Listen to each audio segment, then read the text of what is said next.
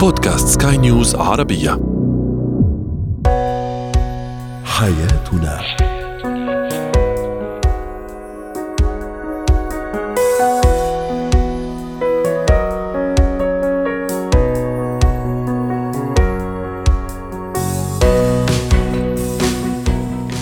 مستمعينا الكرام أهلا بكم معنا إلى حياتنا. فضاؤكم اليومي الذي يعنى بشؤون الأسرة وباقي الشؤون الحياتية الأخرى والذي يمكنكم الاستماع إليه عبر منصة سكاي نيوز dot com slash بودكاست وباقي منصات سكاي نيوز العربيه الأخرى. شاركونا على رقم الواتساب 00971 561 ثلاثة.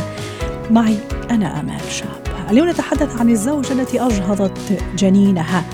ما هو نوع الدعم التي تحتاجه الزوجة؟ كذلك الزوج أيضا من دون شك سيتأثر بهذا الموضوع. آه، كيف أعيد ضبط الساعة البيولوجية لأطفالي لأبنائي قبيل الدخول المدرسي؟ وأخيرا ماذا يعني أن نعيش الحياة بجودة عالية؟ هو وهي. لا شك أن الإجهاض من أسوأ الأشياء والتجارب التي قد تواجهها الأم الزوجة وكمان بشكل عام الأسرة فقط مش الزوجة اللي تتأثر لكنها أكيد هي المتأثر المباشر بهذا الموضوع. كذلك الأب كذلك الأبناء خاصة إذا كانت يعني الفرحة الأولى وحتى في الحقيقة إذا كان مش المولود الأول لكن أكيد يعني قدوم المولود له بهجته له يعني طعم ونكهة خاصة. اليوم نتحدث عن هذا الموضوع الآثار العاطفية خلينا نقول النفسية الاجتماعية السلوكية آه، اللي ممكن تنجر آه، من وراء آه، موضوع الإجهاض كيف أدعم الزوجة في يعني بعد هذا يعني الحادث الأليم اللي هو الإجهاض وبالنسبة للزوج طبعا أكيد رح يكون الداعم الأول الأطفال وكمان يعني خلينا نتعرف هل كمان الأسرة تتأثر بالموضوع؟ دعونا نتعرف على تفاصيل موضوعنا اليوم مع الدكتورة حنان نجم استشارية الصحة النفسية والعلاقات الأسرية. سعد أوقاتك دكتورة حنان.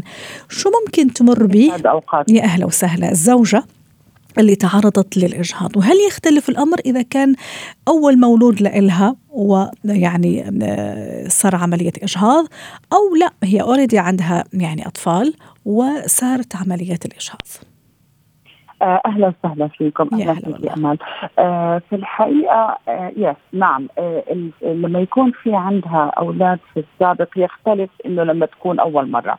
أول مرة تجربة الحمل بالنسبة لها أول فرحة. الهرمونات عندها طبعا في البداية آه لما تكون أول مرة هي أول مرة بتجرب هذا الموضوع. فهي لسه مش عارفة حالها. لكن الإجهاض لما يكون في اوريدي أولاد موجودين. يعني بيكون لسه في مثلا نقول بارقة أمل لا هاي المرة هيك صار مثلا. أكيد نفسيتها بتتأثر بس مش زي أول مرة. أول مرة بيكون التأثر أقوى والنفسية بتكون تعبانة أكثر. وممكن كمان التأثر يكون أقوى وأقوى عند نوعية أخرى من السيدات اللي هم عندهم مشاكل في موضوع الحمل. الحمل مثل ما بيقولوا لا يثبت. شهر شهرين ثلاثة ممكن حتى يوصل لمراحل متقدمة. وللأسف تصير عملية الإجهاض كمان. هذه الحاله النفسيه غاية في السوء وجدا سيئه دكتورة حنان إيش هي المراحل نعم. اللي تمر بها الزوجة اللي أجهضت وكيف لكون أنا داعم كأهل زوج بيت أسرة أولاد أيضا نعم. لهذا الزوجة اللي أجهضت جنينها خلينا نتعرف على المراحل اللي ممكن الحزن إنكار لوم شديد نعم. ممكن هي تلوم نفسها الآن في البداية أي صدمة بتعرض لها أي إنسان في البداية أول شيء بيكون في عنده الدينايل خلينا نقول هذه أول مرحلة الإنكار. إنه هو مش مصدق الإنكار إنه مش مصدقة إنه هذا الشيء صار معها. طبعا هاي المرحله صعبة كثير محتاجة دعم قوي جدا من الزوج بالذات أكثر من الأسرة. لأنه يعني في هذا الوقت هي بتكون مش قادرة تسمع من أكثر من حدا. يعني بتكون اوريدي مخها ملخبط. وقلنا مرحلة الإنكار هذه هي من أصعب المراحل. بعد هيك بتبتدي تفوق شوي اللي هي بنقول مثلا بعد يومين ثلاثة من الإجهاض آه، بتبتدي تستوعب هذه مرحلة الحزن بتكون اللي هي ما قبل الاكتئاب. الحزن إنه طبعا ليش هيك صار معي؟ آه، بعدين بيبتدي عندي موضوع الاكتئاب. وين دور الزوج هون في هذه المرحلة مرحلة الحزن؟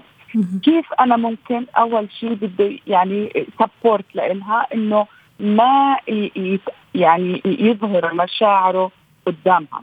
هو يعني هي المتضرر الأكبر في هذه القصة. نعم. فهو بده يكون كثير رحيم صبور وبده يبين لها إنه هي أهم عنده من أي شيء آخر وصحتها بالدرجة الأولى.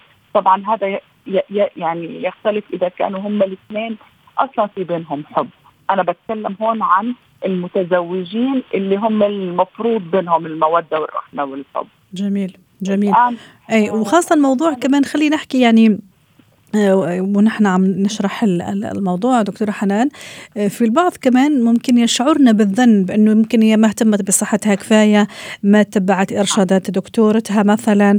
آه، ممكن هو أحيانا كمان الطرف الآخر يوجه لها لوم يعني ضمنيا إنه انت كنت مهملة مثلا لجنيننا مشان هيك صار اللي صار. فموضوع الشعور بالذنب سواء من ناحيتها هي أو كمان يمكن اللوم اللي أحيانا يوصلها بطريقة غير مباشرة. واحيانا مباشرة آه، آه، طبعا إحنا بنقول إنه إحنا بدنا الزوج أو الناس المقربين منها بدهم ينتقوا كلماتهم كثير تجنب التأنيب أو اللوم لأنه طبعا هذا الشيء مش بإيدها.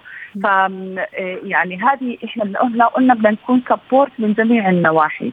وبالدرجة الأولى لو زوجها بيعرف إنه في لها صديقة مقربة لها طبعا يحاول إنه هو يعني يتيح المجال إنها تعبر عن مشاعرها. ممكن تكون هي مش قادرة تحكي قدامه تمام؟ فهي المفروض إنها تحكي لحدا مقرب لها سواء أخت سواء صديقة والزوج هون لازم يسهل هذا الموضوع. كمان في شيء ثاني إنه ما لازم تعزل نفسها عن الآخرين ابدا. العزلة رح تزود الموضوع وتزود الحزن. يعني بلاش كمان الأسئلة أحيانا المحرجة ليش صار الإجهاض وما أدري إيش. أحيانا ممكن للناس. أيوه أيوه أحيانا من الناس. أحيانا زي ما تفضلتي ممكن أحيانا أقرب الناس هلا أشرتي مثلا صديقة مقربة؟ ممكن حتى أحيانا بعض الصديقات ممكن الناس المقربين هم ممكن أحيانا مش قاصدين. آه، بس شوية فضول زايد على اللزوم اهتمام مش في محله. أحيانا نعم. آه، يؤدي إلى هذا النتائج اللي هو كثرة الأسئلة المحرجة ونحب ندخل في نعم. التفاصيل. لأنه ممكن أنا أحبها صديقتي مشان هيك حابة أعرف إيش إيش حصل معها بالضبط. لكن فعليا هي عم تتضرر خاصة ترجع تعيد وتزيد الحكاية صار معي كذا كذا كذا. يعني فاستحضار الألم هو في حد ذاته حد ذاته ألم. نعم. نعم نعم. يعني هي لما يعني لما تشعر إنه في أشخاص معينين عم بيتسببوا لها بالضغط تبعد. وتطلب أيوة. من زوجها المساعدة إنه يبعدهم عنها. دكتورة أنا هذه المرحلة لازم رجل الرجل الرجل والمرأة هم الاثنين مع بعض. في هذه ال case لازم يطلعوا من اللي هم فيه. فلازم الاثنين يعني هو يكون support كثير قوي لها دكتورة أنا في البداية سألت كمان هل الأسرة كمان تتأثر؟ الأولاد عم يستنوا نعم. baby صغير أخوهم ولا أختهم جاية وبعدين فجأة يعني أعلن أنه ترى ال baby يعني أجهض. الزوج ممكن أحيانا يتأثر زي الزوجة وأحيانا أكثر آه، وينعكس كمان على نفسيتها؟ الحقيقة زي ما قلت لك أستاذة أمال المتاثر الأكبر في هذا الموضوع هو المرأة. لأنه زي ما قلنا الهرمونال تشينجز اللي بتصير عندها الضغوطات النفسية التعرض للموقف نفسه هي اللي فقدت. هلأ نعم. الزوج أكيد ممكن يتأثر لكن التأثر تبعه ولا يمكن إنه يضاهي تأثرها هي نعم. هذا في الدرجة الأولى بالنسبة للأطفال أو الاولاد اللي موجودين ممكن يزعلوا على زعل أمهم مم. لكن مش حيكون هذا الشيء اللي كبير كثير في نفسيتهم أو يحس خصوصي إنه لما يكونوا اثنين أو ثلاثة فحيكون نعم. الموضوع بالنسبة لهم مجرد تأثر على وضع البيت كله. مم. لكن زي ما قلنا الأم هي المتأثرة الأكبر في هذا الموضوع والرجل يجب أن يكون سبورت لها. وكمان مش بس هيك الأهل. الأهل أنا بقول للناس دائما يعني الملاصق سعد زي ما بيقولوا. فخلي طاقة كلامكم لأي شخص تعرض لأي صدمة. إنه يعني نرحم, نرحم صح يكون بلسم وما يكون يعني اسئله ما نسأل اسئله يعني تحرج اللي قدامنا صحيح. وما لها جواب. 100% وعسى ربي دائما يعني يكتب الخير للكل للجميع ويتمم على خير لكل يعني سيدة يعني آه، حامل خلينا نقول. والإجهاض لا يعني نهاية الحياة بالعكس تكون بداية لمرحلة أخرى. أهم شيء الصحة النفسية العقلية لهذا السيده اللي فقدت جنينها. وكمان متابعة مع دكتورتها. أكيد الموضوع الصحي الطبي كثير ضروري. شكرا لك دكتورة حنان وأتمنى لك أوقات سعيدة. زينة الحياة. بدأ العد التنازلي لدخول المدرسة هذا الحدث المهم. في حياة أطفالنا أبناء وأبنائنا وأسرنا كمان في الحقيقة آباء وأمهات أكيد مستنفرين. هذه الأيام تجهيزات تحضيرات آه للدخول المدرسي. كيف يا ترى أعيد ضبط الساعة البيولوجية لطفلي بعد أسابيع وأيام طويلة من الإجازة. النوم في غير وقته الأكل يعني كمان يعني أكل fast food يعني ما يصاحب الإجازة أحيانا من خروقات إذا صح التعبير ما تعودنا عليها طيل أيام طيلة أيام السنة الدراسية. رحبوا معي بدكتور سامح العظيم استشاري طب الأطفال. دكتور يسعد أوقاتك. حالة الاستنفار كمان موجودة عندك بالبيت. ما أدري إذا عندك أطفال ما شاء الله في سن المدرسة ولا لا. أهلا بك يا امال واهلا بالسادة المستمعين سهلا. وكل سنة وأنتم طيبين نهاية الأجازة الصيفية وبداية العام الجديد. والحقيقة زي تواصلا مع الكلام اللي كنت بتقوليه من شوية شعور بالذنب. الشعور بالذنب برضو في دخول الدراسة والأطفال متعودين يناموا يبدا الأب والأم يشعروا بالذنب على اللي عملوه فيهم طول الصيف. أها. فطبعا نفس الشعور عندك صح؟ طبعا. فطبعا الاستعداد مش بيشمل بس استعداد بتجهيز الحاجات المدرسية وتجهيز النظام بي والكتب والكلام ده كله. لا بيبتدي تمام كمان بتجهيز الطفل نفسه وتغيير نمط حياته علشان يبدأ يخش للعام الدراسي الجديد وهو مستعد تماما. دكتور كذا بشكل بسيط نسمع ساعة بيولوجية ساعة بيولوجية. يخيل إنه كأنه في منبه كذا صغير أو ساعة صغيرة في الدماغ. إيش يعني ساعة بيولوجية؟ يعني اشرح لي هي بطريقة بسيطة وكيف أرجع أضبطها لطفلي؟ بالضبط. هو إحنا أجسامنا أمال متعودة أو بتستجيب لمؤثرات معينة علشان نبدأ نعرف إحنا في الليل ولا في النهار. هو سبحان الله ربنا سبحانه وتعالى عمل الضوء أو الضوء الشمس أو الضوء عموما هو مؤثر بيدي إشارة للجسم إن هو ده وقت النشاط وإن هو ده الله. وقت العمل وإن هو وقت الحركة. وعلشان كده أجدادنا دايما كانوا بيناموا مع غروب الشمس مباشرة وبيصحوا مع الشروق. فكان الضوء هو المؤثر الرئيسي اللي بيظبط الساعة البيولوجية للجسم وبيدي ال الإشارات للجسم والخلايا إن ده وقت الراحة والنوم والبناء وإن ده وقت العمل والاجتهاد فهي ساعة مظبوطة ربنا سبحانه وتعالى حطها باجسامنا للتعرف على أوقات الليل والنهار طيب. ولكن الحقيقة إن بعد التطور اللي حصل وظهور الأضواء والإنارة والكلام ده بدأنا إحنا نتلاعب في الساعة البيولوجية للجسم والجسم مش قادر يفرق لأن ما بقاش الليل في ظلام زي زمان وبقى في إضاءة بت بتعمل الخلل ده في الساعة البيولوجية للجسم اللي بتؤثر على الخلايا بتاعته طبعا.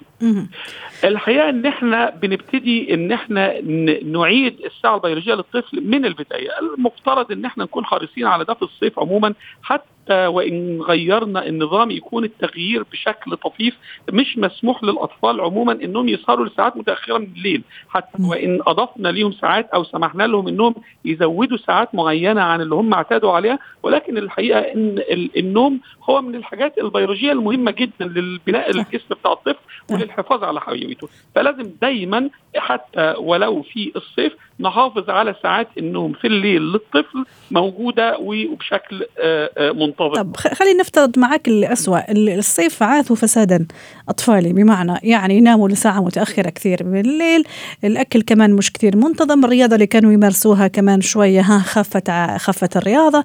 أعطيني كذا برنامج قبيل الدخول المدرسي أسبوع عشرة أيام أسبوعين متى أبتدي بالضبط؟ إحنا الآن على بعد تقريبا أسبوع خاصة نحن بنحكي في دولة الإمارات.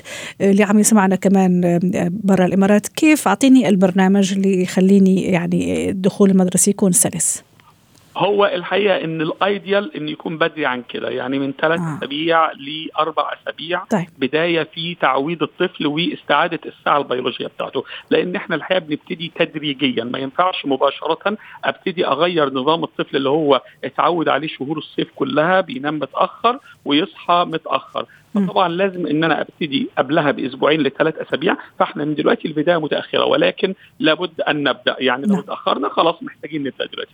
اولا إن إحنا نبتدي نقلل الفترة اللي يعني الطفل لو بينام آه، آه، في وقت معين بنبدأ ننيمه قبلها بساعتين. نعم. ونبدأ نصحيه قبل ميعاده بساعتين. تدريجيا كم يوم لحد ما. يتعود وبعدين اقلل كمان ساعتين وهكذا طيب. آه، نبدأ تدريجيا في آه، بدء النوم وفي الصحيان من النوم.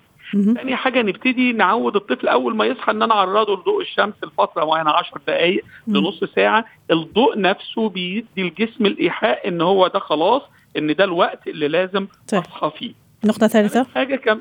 نعم نقطة ثالثة نقطة ثالثة الأكل طبعا. إحنا مم. اتعودنا زي ما أنت قلتي في الصيف على الخروج وأكل ال- ال- ال fast food والأكل بره البيت والأكل في ساعات متأخرة. نبتدي نقلل الكلام ده طبعا نقلل الخروج بره البيت الأكل جوه البيت ونقلل الأكل في ساعات متأخرة من الليل لأن ده بيحفز الجسم ويخليه يبدأ ينشط ويتأخر في النوم ويعمل مشاكل كمان في النوم. اطفاء الأجهزة الإلكترونية كمان تقليلها ال iPad التليفونات؟ بالظبط زي ما انت قلتي متفضلة. تج... ال... ال... ال... الآفة بتاعة العصر طبعا الموبايلات ال iPad التلفزيون السهر قدام الشاشات. لازم نقلله لأن الأشعة الخارجة من الشاشات دي كمان بتؤثر على العين جميل. وبتؤثر على استعداد الجسم للنوم. رائع. وأكيد ممارسة التمارين الرياضية دكتور خاصة إذا كان ابني من الأشخاص اللي كانوا يمارسوها طيل- طيلة أيام السنة. ما شاء الله أتصور هذا كمان مهم حتى نختم. معانا طبيبة طبعا ما شاء الله عندك علم بالظبط طبعا ممارسة الرياضة من الحاجات الحقيقة اللي بتنظم آه، ساعات النوم والإضاءة الخافتة بالليل زي ما إحنا بنقول وتقليل الأصوات والميوزك والكلام ده كمان بيساعد على إن الطفل يبدأ ينام. فاحنا لازم الأم تبدأ تعود الطفل من من بدري وتبدأ تاخده تدريجيا عشان ما يحصلش خلل في الساعة البيولوجية وخلل في استيعاب الطفل في المدرسة ومشاكل في أول أسبوع. رائع ومبدع دائما. دكتور سامح بن العظيم أتمنى لك أوقات سعيدة وأتمنى دخول مدرسي سلس لأولادك ولكل أولاد السادة المستمعين. يعطيك ألف عافية. مهارات الحياة. ماذا يعني جودة حياة؟ وكيف يعيشها الإنسان؟ كيف يعيش حياته بجودة عالية؟ رحبوا معي بسوسن عقيل مدربة مهارات حياة ضيفتي العزيزة من بيروت. أهلا وسهلا أستاذة سوسن. شو يعني جودة حياة. يا هلا وسهلا. وكيف أسقطها على حياتي؟ آه، رح أختصر قدر المستطاع. إذا أنا بدي من وجهة نظر مدربة حياة آه نحن بالعادة عندنا دولاب اسمه دولاب الحياة. هذا الدولاب وقتها بدنا نختبر جودة حياتنا بنعمل هذا الإكسرسايز. مقسم لقسمين قسم داخلي وقسم خارجي. القسم الداخلي عبارة عن الجزء العقلي الجسدي العاطفي والنفسي. أما الخارجي فيه العملي المادي العائلي والاجتماعي. أنا وقت بدي أقول هل أنا بعيش جودة الحياة المناسبة لإلي. هل حياتي جيدة؟ بدي اتبع هيدا الخطوات وأعطي درجات كأني عم بعمل اختبار جدا مهم أعطي درجات لكل جزء هلأ أنا حكيت فيه. إذا طلع عندي نسب متفاوتة قريبة تقطع لكن إذا طلع عندي نسب متفاوتة جدا بعيدة عن بعضها. خلينا نتخيل السيارة. معقول تمشي إذا الدولاب منسم أو إذا عندها ثلاث دواليب أو إذا عندها بس دولابين؟ أكيد لا. هون بدي أعرف إن أنا عندي نقص عندي عطل عندي ضرر بحياتي.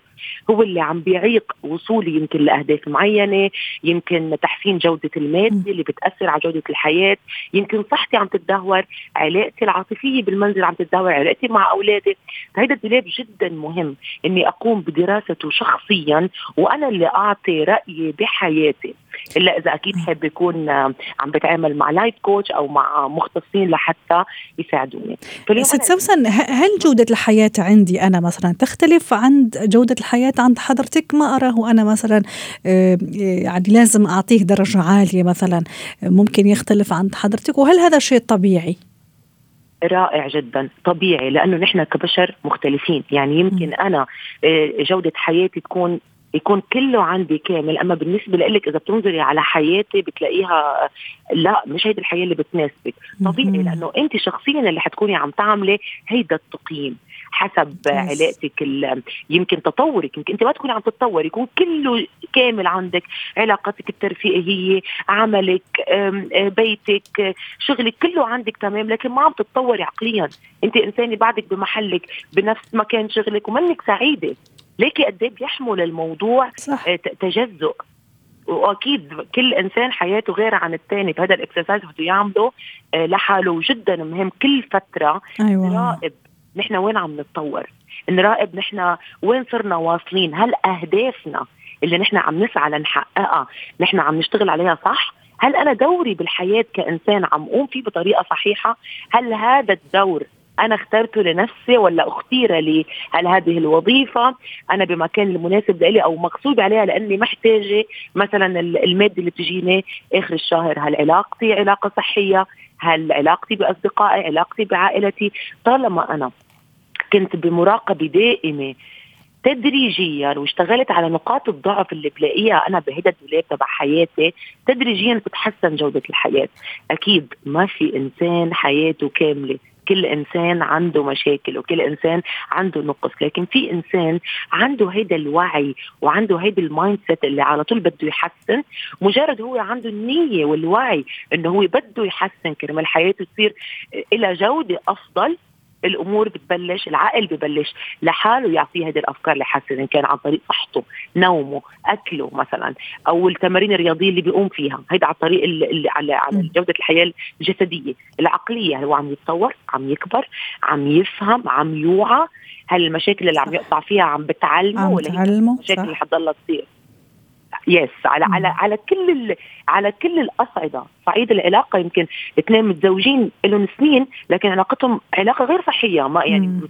مش مش رح أقول مش مبسوطين لا علاقة غير صحية.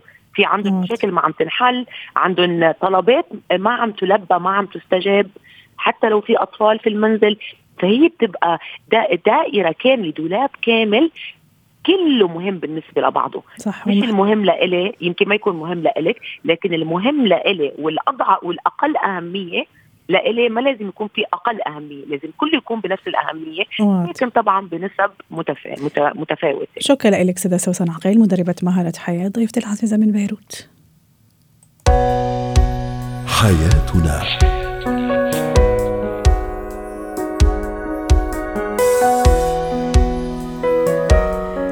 ختام حلقة اليوم من حياتنا. شكرا لكم وإلى اللقاء.